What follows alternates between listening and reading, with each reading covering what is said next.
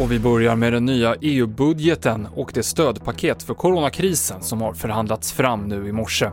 Det var viktigt att man kom överens, det säger TV4s reporter Bosse Lindvall.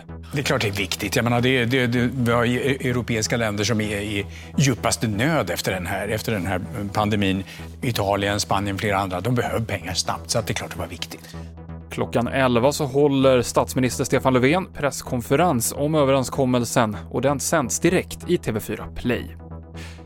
Två lastbilar krockade i morse på Källesundsbron som är en av broarna som förbinder Tjörn med fastlandet och trafiken stängdes av i båda riktningarna. En av förarna är nu misstänkt för vårdslöshet i trafik och trafiken ska påverkas minst fram till nu klockan åtta enligt prognosen.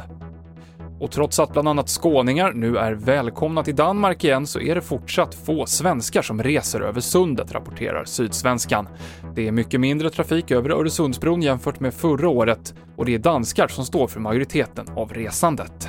TV4-nyheterna med Mikael Klintevall.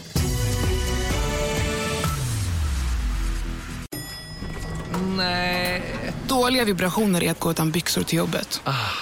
Bra vibrationer är när du inser att mobilen är i bröstfickan. Alla abonnemang för 20 kronor i månaden i fyra månader. Vimla! Mobiloperatören med bra vibrationer.